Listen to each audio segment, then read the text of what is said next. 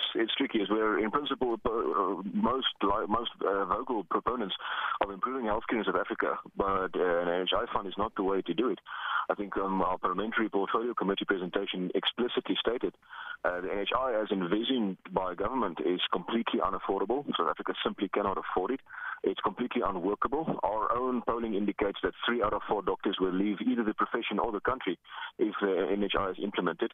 But it's lastly, it's, it's unnecessary. The Constitution's right to access to healthcare is already um, encapsulated in the public healthcare sector. And what worries us immensely is that the people who have basically managed the public healthcare sector into the ground now wants to also manage the private healthcare sector. Until we fix public healthcare, we should not be having conversations about uh, revamping the whole system. We're spending billions of rands on public health care and getting very, very bad health outcomes. There is no reason to believe that will change while spending more money, which is what NHI will in effect uh, be. Is it's just more funding for a system that is inherently not working.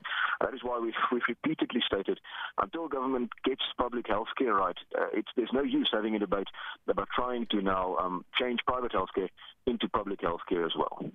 So you say that this is unaffordable. So I would imagine that means you've crunched the numbers around this. So let's talk about that. When you say it's unaffordable, what will it cost?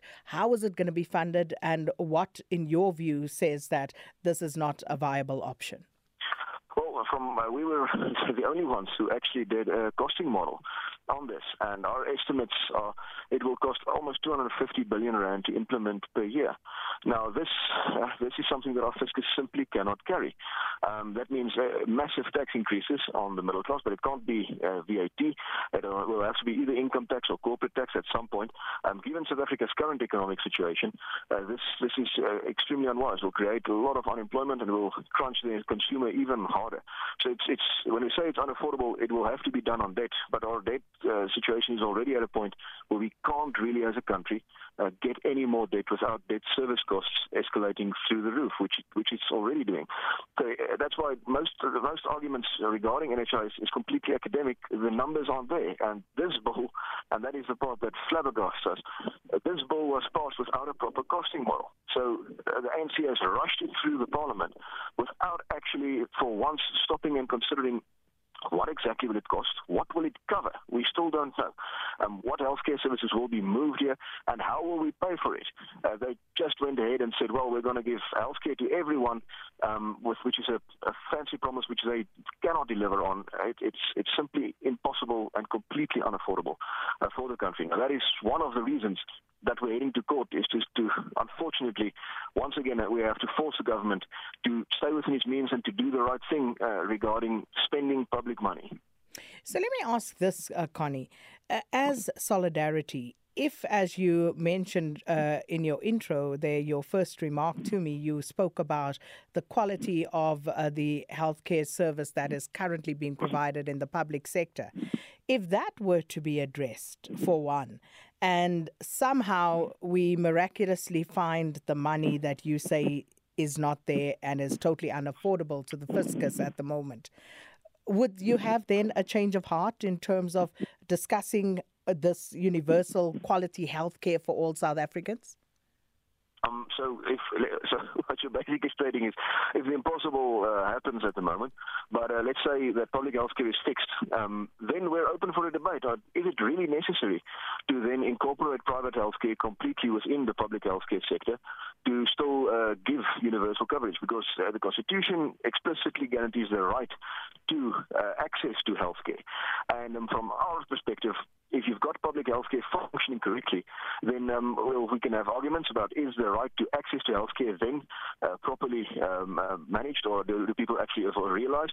But from from where we're standing, um, if let's say public healthcare is fixed and South Africa starts growing at massive amounts of GDP, uh, then we can have an argument. We can say, all right, now the system isn't properly uh, realizing that right, but uh, realistically, uh, the right, the constitutional right is enshrined in public healthcare before we fix public healthcare, before we get access to healthcare, actually access to proper healthcare.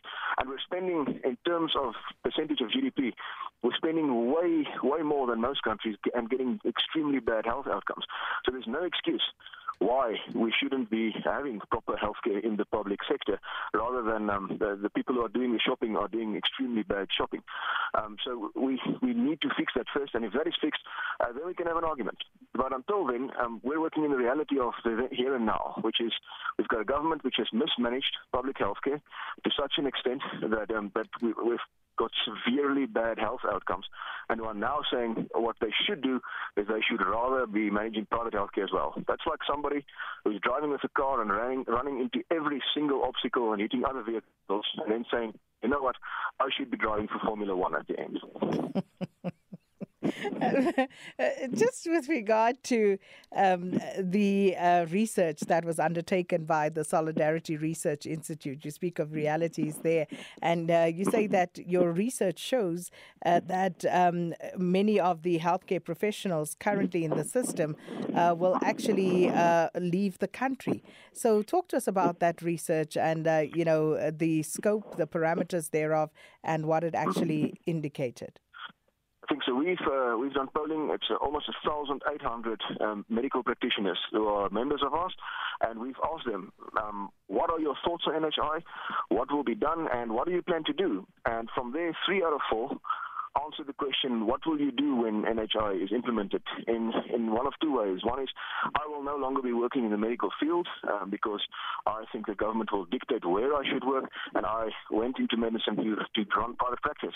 Uh, the, other, the other portion of that, and it's quite a large percentage, says, well, I will quite simply leave the country.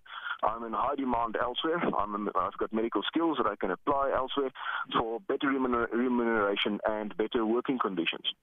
And that is why when we say it's unaffordable, firstly, secondly, it's unworkable. As from our perspective, uh, doctors have not been engaged on this. Um, nurses as well. They've, they've not been told what will happen. They still don't know what will be covered. And um, we have no idea who is actually going to render the health services that government is promising.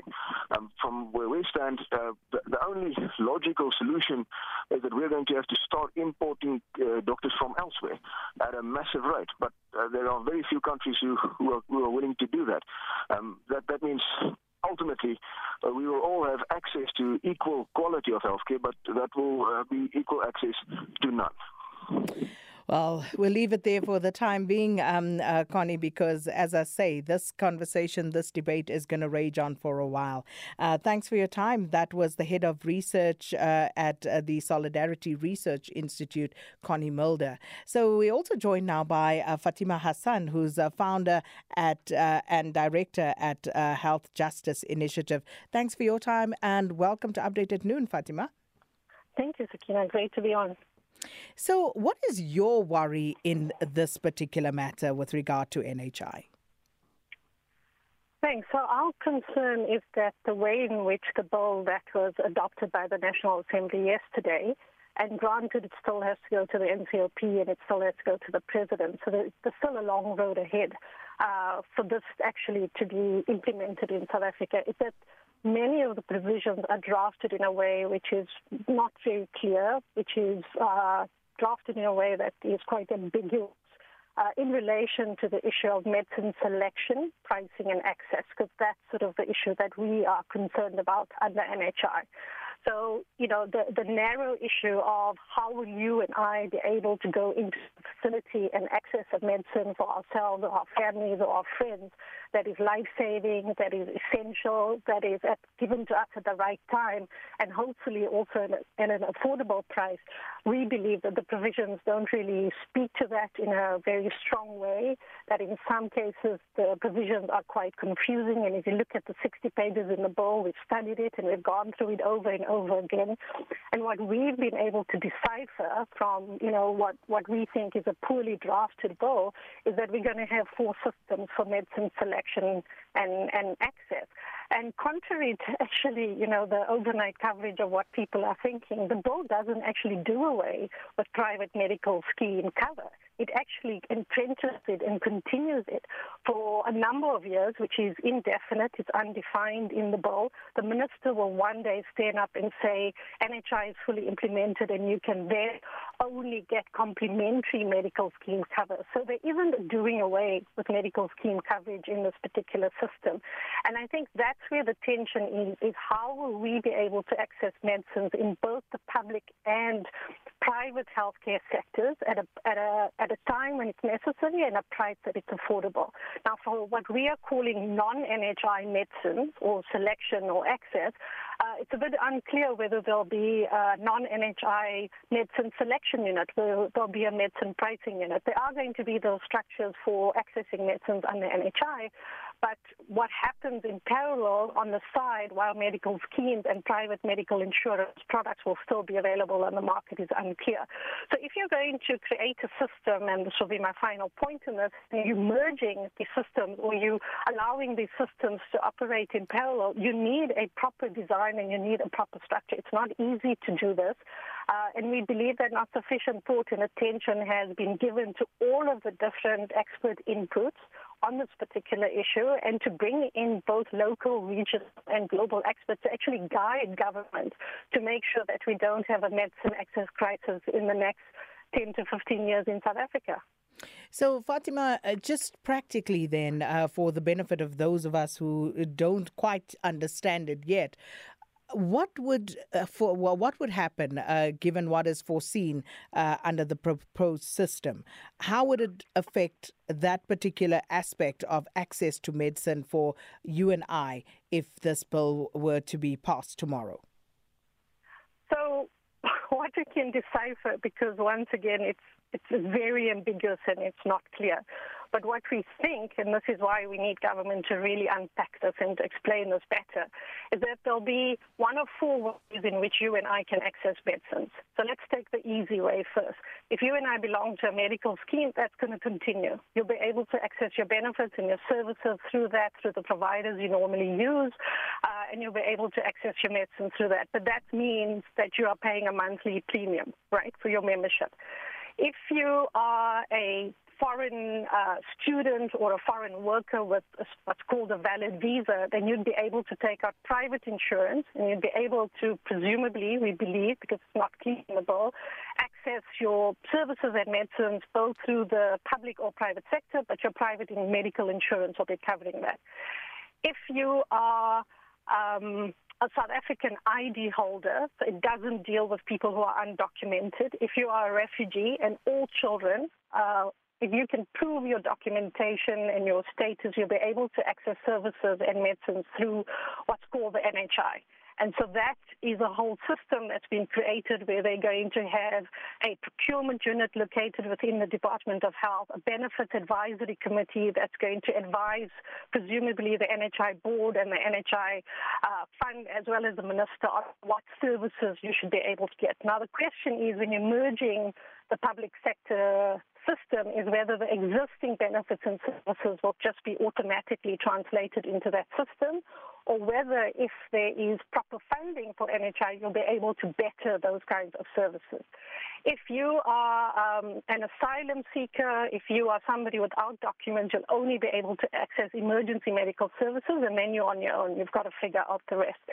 And then if you are, uh, say, for example, um, uh, a worker who can access NHI services, you don't have private uh, medical scheme coverage, you'll do what most working people do in our country right now. That if you want services beyond what the state is able to give you or decides that they're going to give you, and that is uncertain, we don't know what the package of services will be, you will take your hard earned earnings and you will go to a private provider and try to pay for some of these services yourself, which is what uh, is called out-of-pocket payments, which is actually regarded by most uh, institutions globally as a very regressive form of health financing. So what we're concerned about is that the bills actually create this impression, um, because again, it's not clear that you can have four parallel health services and medicine access systems operating in tandem because medical schemes will not be terminated on adoption of NHI. It's going to continue for some time until the minister believes that NHI is fully implemented, and then you and I, as medical scheme members, can only get complementary medical cover, which means services beyond what the NHI can fund. So I hope I'm explaining this in the most simplest yes. of words and, And it raises but, so many more questions. Yes, I'm, I'm so sorry for interrupting you. Uh, no, uh, no, Fatima. I was just saying it raises so many more questions the more you listen. Um, and of course, it's uh, important that we get all of these perspectives uh, so as to inform the public so that uh, those of us who are not necessarily in uh, the medical sector can also make informed decisions about what's actually going to happen here. but Fatima, thank you so much. and of course, as I say, we will be talking much, much more about what is envisaged here and whether we are ready to move uh, to uh, this proposed system.